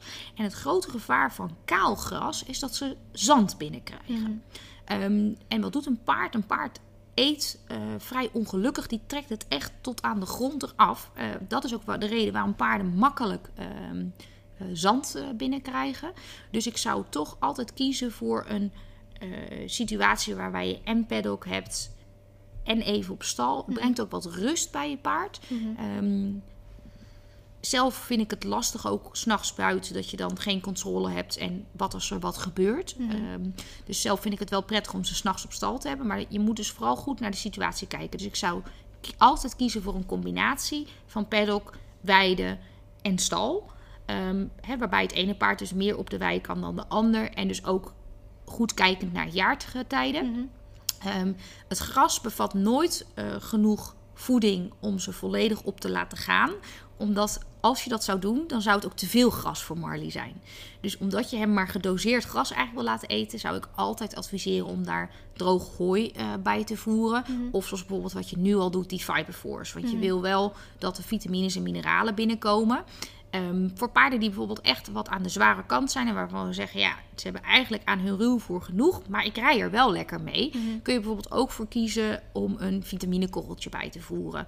Dus ehm, we hebben van Kaflo hebben we Nutri-Support. Nou, dat is dan een vitaminekorrel. Eh, dus dan hoef je eigenlijk geen eh, echte brokjes aan je paard te voeren of een muesli. Je geeft dan echt alleen die vitaminekorrels en dat zou dan met, met hooi eh, volstaan. Ja. Dus ik denk dat dat gewoon goed is om naar te kijken van wat ja, wat is de juiste combinatie? En dat moeten we eigenlijk dan bekijken op dat moment. Hè? Maar ik denk wel dat je als je Marley 24-7 in een weiland zet en hij mag onbeperkt zijn gang gaan, ja, dat we hem dan kunnen omrollen na twee weken. Dat kan je nu al. Ja.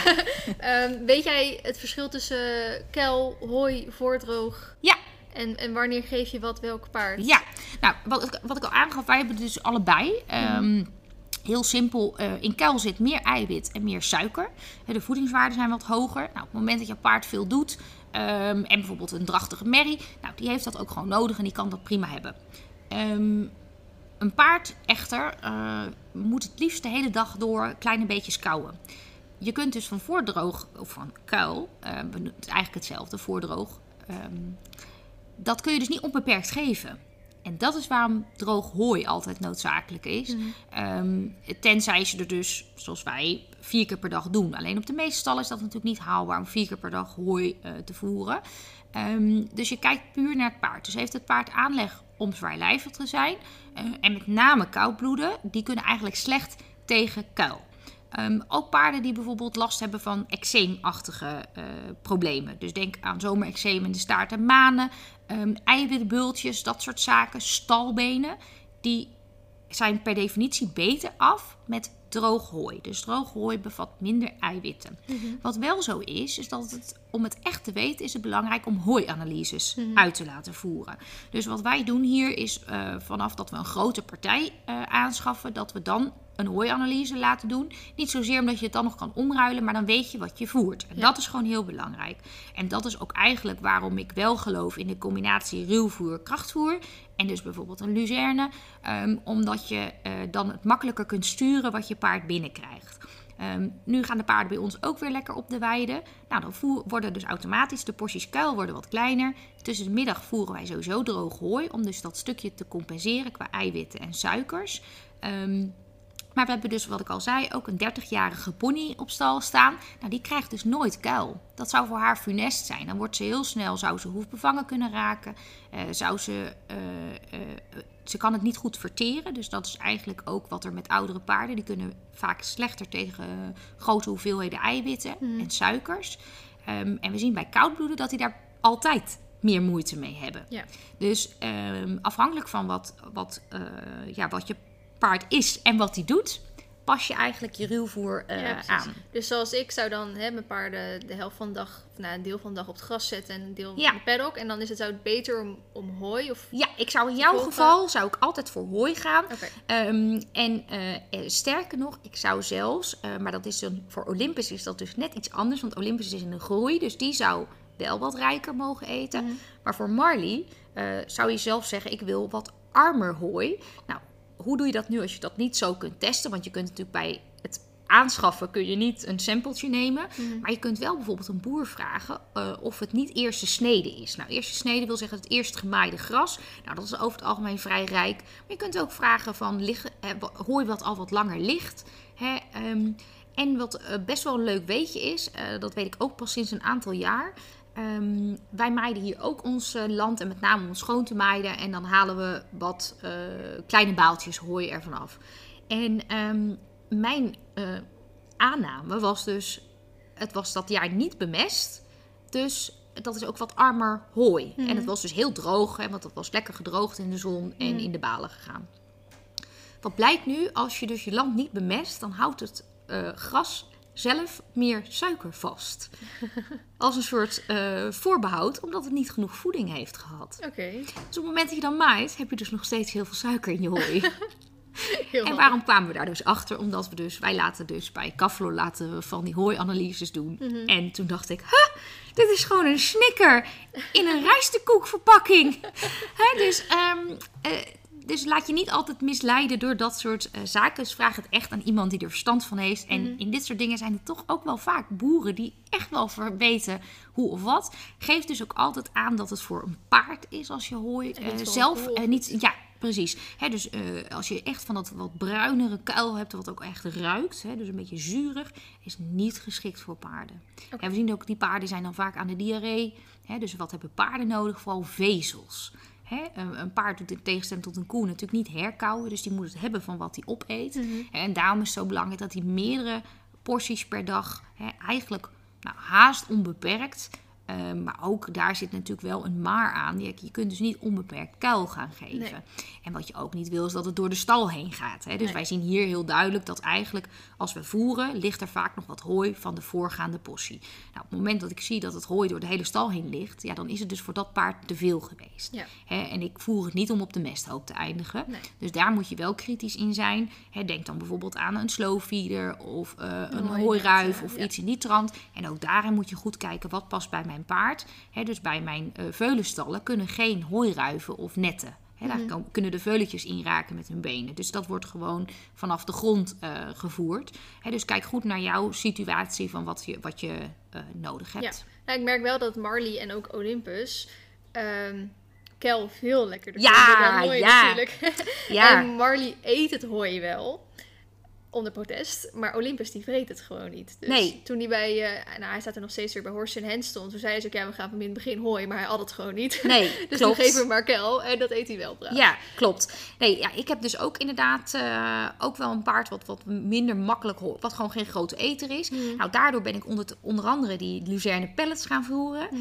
Ehm, daarmee hou ik hem een klein beetje voor de gek. Want hij denkt dat hij brokjes aan het eten is. Maar zo voer ik hem toch ongemerkt wat vezeltjes bij. Mhm. Ehm, en het is ook zo, op het moment dat de paarden natuurlijk lekker gras eten, merk je ook dat ze gewoon veel minder hooi. Ja, dat is, dat is zoiets als je ziet een lekkere eh, koek liggen of eh, er ligt zo'n druif naast. Ja, weet je, de keuze is gauw gemaakt. En zo doet een paard dat natuurlijk ook. Ehm, wat ik hier bijvoorbeeld doe, is ook mengen. Hè, maar nogmaals, het is voor heel veel stallen natuurlijk niet rendabel om de, op die manier te voeren. Mhm. Maar als je zegt van nou, ik ga zelf dit doen, dan kun je er natuurlijk best voor kiezen om te zeggen, nou, eh, Olympus krijgt voor de avondportie gewoon op stal, waar Marley niet bij kan, Mhm. krijgt hij wel één portie kuil. Ja, precies. Hè, want die is in de groei, dus die kan ook die eiwitten gebruiken. Eiwitten hebben we nodig om spieren eh, aan te maken Mhm. en vlees. Ehm, dus mensen moeten ook niet te bang zijn voor eiwitten. Dus nogmaals, als je een, een, een koudbloed hebt, ja, dan moet je er zeker op letten. Of een te dik paard. Ehm, maar zeker de jonge paarden die in de groei zijn, die hebben ook echt wel eiwitten nodig om, om bespiering aan te maken. En maak het dan nog bijvoorbeeld uit als je je hooi nat maakt? Want ik merk nu vaak dat als ik een keer dat hooi geef, dat is echt een beetje dat droge, stoffige Ja. gedoe. En als ik het dan een beetje nat maak, dat vindt hij dat wel prettiger. Maar ik weet niet of dat Ja. verliest dat dan iets of maakt dat niet uit? Nee, kijk, misschien wel als je het een dag eh, in het water laat staan. Ehm, Ja, ik het dan even maar zo in de ik denk dat het vooral eh, lekker is voor, tegen het stof. Ja. Hè, dus dat heel veel paarden natuurlijk eh, het stof minder prettig vinden. En zeker de paarden die ook hoesten, dan is het ook echt te adviseren om dat te doen. Er zijn tegenwoordig ook van die stoomapparaten. En dan schijnt ook de waarde er niet van af te gaan. Dus, ehm, maar ik, ik denk dat het vooral belangrijk is dat je goede kwaliteit hooi hebt. Dus geen schimmels. Ehm dat ik hoor te vaak dat mensen zeggen, ja, maar dat eten ze toch niet. Dus dan Hmm. eh, wordt het gewoon gevoerd. Ehm, kan echt niet. Paarden gaan daarvan hoesten. Eh, dat komt echt de gezondheid niet ten goede. Dus zorg echt dat je gewoon mooi hooi hebt. Zie je een schimmelplek, zorg dat je het ruimschoots weghaalt. Want Mhm. dat is wat je ziet. Ja. Hè, maar het andere zie je, zie je niet. Ja. Ehm, dat is ook hetgene wat we ook laten testen eh, met een hooianalyse. Eh, wij laten bijvoorbeeld testen op mycotoxines, heet dat. Een, mooi woord. Ehm, dat zijn schimmeltjes eigenlijk die we met blote ogen niet zien. En die kunnen hele vervelende eh, darmirritaties veroorzaken. Onder andere eh, die diarree. Dat we dat dan met de blote oog zien. Ja. Dus ehm, het is heel belangrijk dat je ruwvoer echt wel van goede kwaliteit is. Omdat dat dus echt met stip op één staat in het rantsoen van een paard. Ja. En kan je buiten dat eh, je het, het voelt en het ruikt, kan je ook zeg maar aan de verpakking van, van een product zien Nee, eh, nee, of dat- het hooi of kuil is? Eh, ja, ja, ja. Als in dat ja. die, hè, die ingepakte balen... Ja, dat is per. Ja, dat, Dat is is- altijd voordroog. Oké. Ja, En, en hoe, ziet, hoe is kuil verpakt? ja zo. Met, met dat zijn die grote plastic balen. Kuil voordroog, zeg Kuil maar. is voordroog. Oké. Ja. Eh, en hooi is altijd... En kuil, je hebt natuurlijk ook kuil, wat dus de boer echt op zo'n grote plaat met ook zeil eroverheen. Zo'n grote. Oh, hè? ja, ja. Maar ehm, nee, als we over paarden voordroog, kuil of voordroog. Dat zit dus, nou ja, wij hebben tussen hooi en kuil in. Dat heeft er meer mee te maken hoe het dus eh, gemaaid is en hoe rijk het is en hoe lang het dus eh, gelegen heeft, zeg maar. En Mhm. hoe, ja, nogmaals, hoe rijk het in de baal gaat. Ehm, en droog, dat zit per definitie zit daar niet eh, plastic omheen. Kijk, dus- er zijn best wel voorverpakte eh grasmengelingen die je zo kunt kopen in een pakje. Mhm. Hè, maar als je echt gewoon een hooibaaltje hebt, dan herken je dat aan dat er dus van die strootuitjes omheen zitten. Ja, precies. Maar bij ons hebben ze dus alleen maar kel, denk ik dan. Ja, voor Omdat- droog. Ja, Ja. we hebben alleen maar ingepakte balen. Ja, maar het kan, wel, ehm, het kan wel zo zijn dat het ehm, minder waarde heeft. Dus dat het alsnog heel droog is. Ja, want de Ehm, ene is inderdaad echt heel droog en strengelig. En de andere Ja. is echt van dat, dat kronkelige Ja. kleine spul, zeg Ja, maar. kijk, het, het, eh, het heeft voor ons ook een meerwaarde dat het ingepakt is. Want dan kunnen we er meer van kwijt. Kun je het buiten bewaren bijvoorbeeld. Maar eh, echt heel droog droog. Dat zit bijna nooit in een kuilpak eh, of in een plastic. Maar het kan wel. Hè, dus ik vraag ook, bijvoorbeeld morgen komt er bij ons weer een nieuwe levering. En dan laat ik twee soorten bezorgen. Dus eh, grof en, en wat meer kuil. Wat dus ook wat, wat vochtig aanvoelt aan je hand. En het andere, wat een stuk droger is, dat zit wel degelijk in plastic. Dus het is niet zo dat per definitie wat in het plastic zit, dat het dan extra rijk is. Maar we noemen het wel voordroge kuil. Ja. Hè? Dus ehm, het echte hooi, dat, dat, ja, dat zit los en dat, dat kraakt ook als je het... ja, precies. Maar zoals Marley, die, ja, staat op pensioenstal, kan moeilijk mijn eigen hooi gaan Klopt. inkopen. Ja, Ehm, nou, die- staat eh acht uur per dag op het gras. Ja. Ik, ik moet zeggen, hij, ja, hij wordt eh, morgen 12. ja. En hij heeft er nog nooit last van gehad. Tot eigenlijk ja, deze afgelopen Ja. weken. Ehm, wat zou daar bijvoorbeeld handig voor zijn? Ehm, nou, ik zou sowieso, ehm, wat wij zelf ook doen met de sportpaarden, en eigenlijk doe ik dat ook met mijn merries, maar dan doe ik het ietsje eerder, is eh, nou, die opschoonkuur. Dat heb je ook al een paar keer gedaan met wat Mhm. mm hepatolik. Want dan zorg je dat het paard goed zijn afvalstoffen kwijt kan. Dus ook het overtollige uit kan plassen. Ehm, wat je doet is kijken, moet ik wel terug in mijn krachtvoer? Mhm. En je zou dus eventueel het stukje eh, tekort aan, aan vezels, zou je kunnen compenseren met dus bijvoorbeeld zo'n fiberforce. Hè, dus dat je zegt van nou, ik ga eh, wat vezels toevoegen. eh, die die anders ja, niet krijgt. Omdat we zijn dus, hè, je gaat dat korten, want je wil niet dat hij te dik wordt. Ehm, Maar moet ik dan ook bijvoorbeeld gewoon minder kel voeren? Of? ja, Want ik heb het Ja. gewoon nu standaard in een hooinet zitten. ja En dat hij- is al verstandig. Ja, en hij, maar de ene keer zit er nog eh, een, een derde in, de andere keer is het leeg, de andere keer. Ja. ja.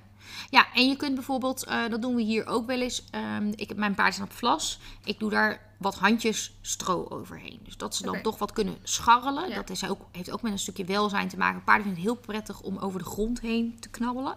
Dus dat zou je bijvoorbeeld kunnen doen. Ja, is allergisch Ehm, voor stroom. Dus. Ja, dat gaat dus niet. Ehm, maar je zou dus wel inderdaad met je fiberforce wat kunnen doen. Je kunt zeggen, nou, ik ga de porties nog iets meer verdelen. Dus als hij drie handjes krijgt, nou, dan zorg je dat hij dat over de hele dag door verspreid mag eten. En ehm, je moet wel degelijk de kuilporties aanpassen op het moment dat hij gras eet. Hè, dat is hier ook, dus dat geldt niet alleen voor koudbloeden, maar dat, dat, dat, dat moet gewoon. Omdat ehm, gras is natuurlijk per definitie vinden ze dat lekkerder. Ehm, wat je in het uiterste geval kunt doen, is kiezen voor een graasmasker. Ja. Ehm, dat klinkt al gelijk niet heel erg leuk, maar het is veel erger als hij straks bevangen, gestrekt in de wei staat en pijn heeft. Dus je kunt eh, hè, dus een aantal dingen doen. Je kunt vragen om een stukje waar minder gras op staat. Ja, dat je zegt, nou, we zetten een stukje af en daar moet hij het mee doen. Hè, dat hij dus niet in het volle gras komt. Nee. Nou, op zich Ehm, bij ons staat er niet zo, omdat ze natuurlijk ook zwinters op de wei Ja. staan. Lopen ze eigenlijk altijd zwinters kapot. Ja, dus er is niet super veel. Nee, er staat niet veel. Maar het is wel weer dat jonge gras, zeg maar, Ja, nu. ja, en dus heel belangrijk, ehm, eh, ook zo nu en dan dus een zandwegkuurtje geven. Mhm. Want wat we veel zien, en dat is echt veel problemen nu ook met die droogte. eh, paarden, wat ik al zei, die grazen dus echt tot, tot het uiterste. ehm, en brengen daar dus heel veel zand mee naar binnen. En dat is ook echt een van, dat kan echt een grote veroorzaak zijn voor andere eh, wormbesmettingen, maar ook eh de zandkoliek. Dus dat zien we ook heel veel nu door, doordat het zo weinig water is gevallen, dat de weiden heel stoffig zijn. Hè, dat eigenlijk ook het nieuwe gras toch wel gauw kaal gegeten wordt. Ehm, dus dat zijn wel dingen die je kunt doen om grote problemen te voorkomen. Dus enerzijds weidegang opbouwen. Hè, daar zien we daar kun je echt een grote slag in slaan. Dus ehm, als je paard nog geen, voor degene die op een stal staan waar het nu bijvoorbeeld pas begint, ehm, zorg dat je dat echt gedoseerd doet. Dat je dat echt rustig aan opbouwt. En dan moet je echt denken aan eh, de eerste keer maar een half uurtje erop. En dat uitbouwen. Anderzijds dus eh, ja, verdelen. Dus bijvoorbeeld zeggen, weiden. Tussen de middag moet je even aan het werk of wandelen of in de molen of iets dergelijks. En dan weer. Hè, dus dat ze ook aan de gang blijven. Mhm. Ehm, en dat je dus zegt, van, nou moet ik mijn menu aanpassen. Want hij krijgt nu al eiwitjes en suikers vanuit een andere vorm binnen. Dus dat gaan we dan korten op wat anders. Uh, zodat we niet een, ja, een te rijk menu krijgen, waardoor we andere problemen krijgen. Ja. En anders toch dat graasmasker. ja. Ik denk dat ik er toch bijna aan moet geloven. Ja, of inderdaad, uh, normaal gesproken vind ik het altijd fijn om s'avonds te komen. Omdat die dan gewoon lekker heel dag op de wei kan staan. Als hij dan weer op stal staat, kan hij er weer eventjes uit. Ja. Maar misschien is het dan juist goed om juist s ochtends te komen. Zodat hij s ochtends beweging kan krijgen. En dan dat ergste fructaan in het gras dan even overslaat. Ja, kijk, dat is nu wel een stuk minder, omdat nu niet, er is nu geen nachtvorst meer. Oké. Dus... Um, echt alleen in die periode, dus als het nog nachtvorst is en dan... Ja, over het algemeen wel. Kijk, het is niet altijd zo, want soms... Nogmaals, daar moet je, ja, moet je eigenlijk um, een, een hooi... Uh, specialist naar vragen hoe dat erbij zit. Want het ligt ook echt aan je weiland. Hoe het mhm. onderhouden wordt en bijvoorbeeld hoe vaak het bemest wordt. Mhm. Ehm, maar ik zou zelf ervoor kiezen om vaker, net zoals dat je je voedingporties verdeelt, ook de beweging te verdelen. Mhm. Dus om toch tussendoor um, nog extra beweging te geven. En kijk, als die s'nachts op stal staat, dan zou ik er ook voor kiezen om s'avonds het loopje te doen. Ja. Ehm, kijk, het andere vervelende van weidegang is, want we vinden het fijn. Hè? We hebben een rustgevend gevoel bij dat die mhm. paarden buiten staan. Ehm, maar vaak is het te rustgevend als in, wat doet een paard? Die staat dus stil te eten. Mhm. De hele dag door. Dus eigenlijk moet hij gewoon meer in beweging. Mhm. Eigenlijk zou hij stappen tellen om moeten. En dan zal je zien dat ze waarschijnlijk dus in de zomer... dat hij ook echt daadwerkelijk minder stapjes zet omdat hij, ja, simpelweg, hij is aan het eten. Dus hij heeft geen mm. behoefte om zichzelf uh, te verplaatsen. En daar komt dat stukje weer. Wij zijn slim. Wij kunnen de gevolgen overzien. Dus, um... Maar daarom is zo'n paddock paradise dus vaak wel weer... Uh, omdat ze dan op verschillende plekjes het eten aanbieden. Dus ze zijn verplicht om te lopen. Ja, ze moeten lopen inderdaad. Het andere nadeel daar weer van is, is een stukje um, mest en worm risico. Doordat er dan veel paarden en er ook veel zand is, is er veel meer risico op wormbesmettingen. Dat is sowieso met groepshuisvesting. Um, dus eigenlijk voor het mooie zou je dan toch ook wel ja, de mest moeten uh, verwijderen. Dat is mhm. sowieso uh, verstandig om te doen in je weide. Um, maar alles met mate, dat, dat is eigenlijk.